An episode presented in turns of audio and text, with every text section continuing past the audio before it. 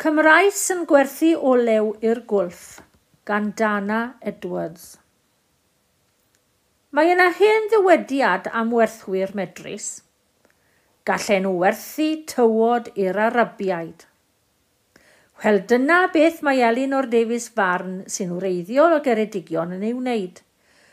Mae'n gwerthu olew i bobl i'n wledydd mwyaf cyfoethog y byd ond olew gwahanol iawn yw'r olew y mae Elinor yn ei fasnachu.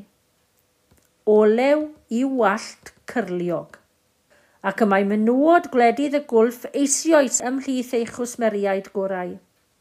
Er mwyn ehangu'r busnes yno, mae Elinor yn byw yn Dubai ar hyn o bryd. Ond mae'r Gymraes a dderbyniodd ei haddysg yn Ysgol Pen Llwyn, Capel Bangor, ac yna yng Ngholeg Llanymddyfri, yn teithio nôl a mlaen o Gymru yn aml iawn, gan fod ganddi gwsmeriau selog yma ar draws y deyrnas unedig hefyd.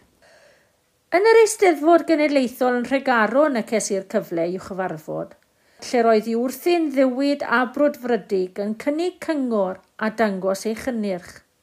Siampw, cyflyrydd olew, hufen i'r cwrls, chwistrell gwallt, gel a rhai ategolion gwallt hefyd.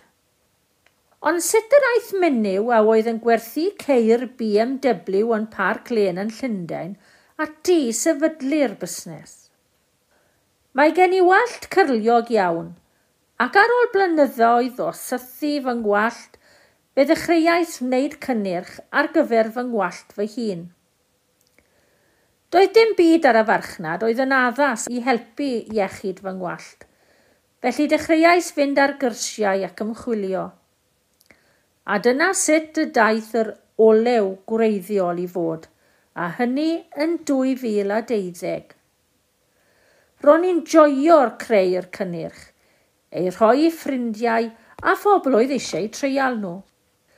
Roedd Elinor y mwynhau'r fenter i'r fath raddau – Ym mis Mawrth 2019, penderfynodd roi'r gorau i'w gwaith er mwyn canolbwyntio ar ddatblygu ei chynnyrch gwallt. Roedd pawb yn meddwl bod hi'n wallgo, mynd o swydd oedd yn rhoi car i fi a thalu arian da i greu cynnyrch gwallt, ond o'n eisiau wneud rhywbeth oedd yn wneud fi'n hapus eglurodd. A hefyd, Helpu roi hyder i fenywod eraill fel fi i wisgo ei gwallt cyrliog naturiol gyda hyder.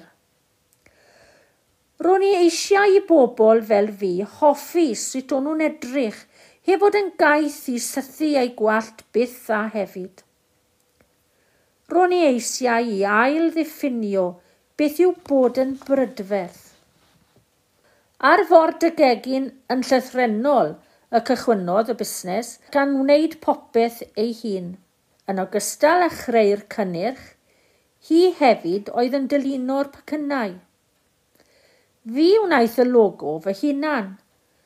Torres i'r gair olew allan o gardfwrdd a'i beintio. Wedyn, defnyddiais ddeunydd oedd gen i yn y tŷ, yng Glesdogau a Blancedi, a'i gosod y tu ôl i'r enw tynnu'r llun a chreu'r logo sy'n dal i gael ei ddefnyddio heddiw. Mae'r holl gynnwys yn hollol naturiol ac wedi cael ei brofi ar fy ngwallt i yn gyntaf. Ychydig bach o'r cynnyrch sydd ei angen i sicrhau effaith, ac mae dros 92% allan o'r 564 sy'n defnyddio olew yn cytuno â hyn. Roedd yna gymhelliad hefyd i sicrhau fod y Gymraeg yn rhan weledol o'r busnes. Dywed Elinor ei bod yn awyddus iawn i sicrhau fod mwy o bobl yn gwybod am yr iaith Gymraeg a Chymru. Dyma'r heswm am ei dewis o'r enw olew ar ei chwmni. Erbyn hyn, dywed ei bod yn gwybod i nifer deithio i Gymru yn sgil clywed am y wlad drwy ei chynnyrch. Ar hyn o bryd, mae Elinor yn gweithio ar gynnyrch newydd a'i bwriad dros y flwyddyn nesaf yw mynychu digwyddiadau i fychnata'r cwmni ac i gwrdd â phobl i ddangos beth mae olew yn medru ei wneud i'w gwallt. O ofyn iddi am eich ynghorion gorau. Dyma ar anodd. I ddechrau, gwisgwch eich cwrls gyda balchder – Mae pob gwallt cwrl efo ffriz. Mae hynny'n rhan o gael gwallt cwrl. Coflidiwch e. Hefyd, Mae llawer o ffriz yn dod o gael gwallt sych, felly mae eisiau rhoi mwy o gynnyrch, conditioning, moisturising yn y gwallt pan mae'n wlyd i helpu efo hynny, ychwanegodd. Mae Elinor yn barod iawn ei chyngor ac yn gwahodd unrhyw un i gysylltu â hi drwy'r e-bost elinor at olew.co.uk I weld cynnyrch Elinor, ewch i wdrifflig.olew.cymru.